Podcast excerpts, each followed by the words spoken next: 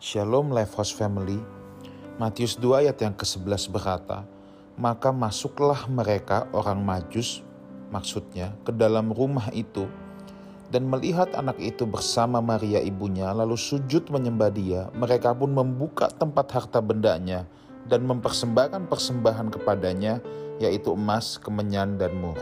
Saudaraku dalam kisah kelahiran Tuhan Yesus ini orang Majus datang dari kejauhan dari arah timur.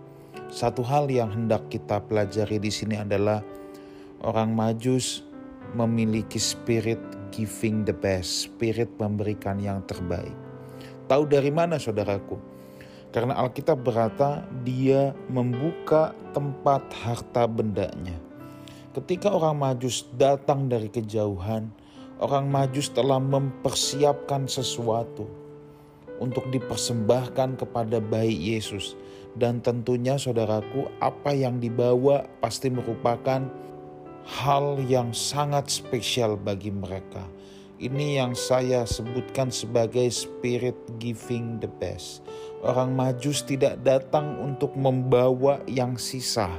Orang Majus datang dengan sesuatu sikap hati yang telah dipersiapkan dari jauh-jauh.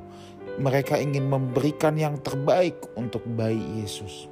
Saudaraku, berapa sering kita sering kali tanpa sadar ketika kita melakukan sesuatu untuk Tuhan, kita tidak melakukan atau kita tidak datang dengan spirit giving the best, tetapi kita datang dengan mentalitas sisa kita mau kerjakan buat Tuhan di sisa-sisa tenaga kita.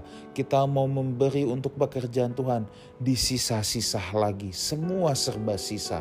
Tetapi Alkitab mengajarkan kita bahwa kita justru harus memberikan yang terbaik yang ada pada kita untuk kita bawa bagi kemuliaan namanya.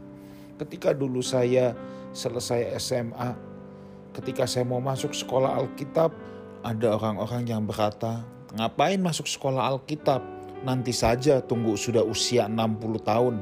Sekarang kerja dulu, sekarang cari uang dulu.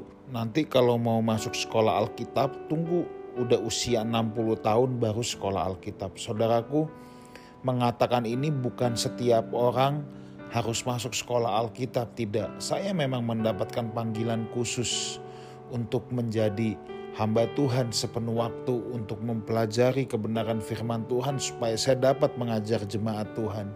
Dan ketika saya tahu bahwa Tuhan memanggil saya untuk hal itu, saya harus berikan yang terbaik apa yang saya punya. Bukan sisa-sisa, bukan ketika nanti saya ada waktu luang ketika saya sudah menjadi tua baru melakukan itu. Justru ketika sedang fresh-freshnya, otak masih encer-encernya, saya harus memutuskan saya mau mempersiapkan diri saya untuk dipakai oleh Tuhan.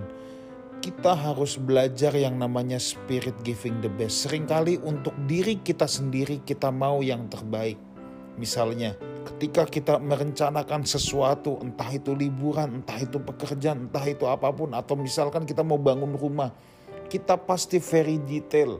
Kita pasti mau merencanakan itu yang sebaik-baiknya supaya kita juga bisa nyaman. Bisakah spirit yang sama kita convert itu ketika kita melakukan pekerjaan Tuhan, kita mau melakukan yang sebaik-baiknya. Kita tidak melakukan dengan asal-asalan. Saudaraku, ketika kita misalnya terlibat dalam pelayanan gereja, mungkin cuma menjadi aser atau untuk menyambut jemaat Tuhan yang datang. Apakah kita melakukannya dengan sepenuh hati, dengan spirit giving the best atau kita hanya melakukannya? Ya sekedar ala kadarnya dengan mentalitas sisa dengan ogah-ogahan. Ini sangat berbeda saudaraku. Yang Tuhan inginkan adalah apa pun yang kita lakukan kita lakukan bukan karena terpaksa bukan karena apa pun tetapi karena kita ingin melakukannya yang terbaik untuk Tuhan bahkan bukan hanya pelayanan di gereja ketika kita melakukan segenap pekerjaan kita pun, pekerjaan kita sehari-hari, ketika kita punya mentalitas giving the best, apa pun yang kita lakukan, kita mau lakukan buat Tuhan, maka kita juga akan mengerjakan pekerjaan itu dengan sebaik-baiknya. Bukan untuk kepentingan kita, tetapi untuk kepentingan Tuhan. Milikilah spirit giving the best, bukan mentalitas sisa. Tuhan memberkati kita semua.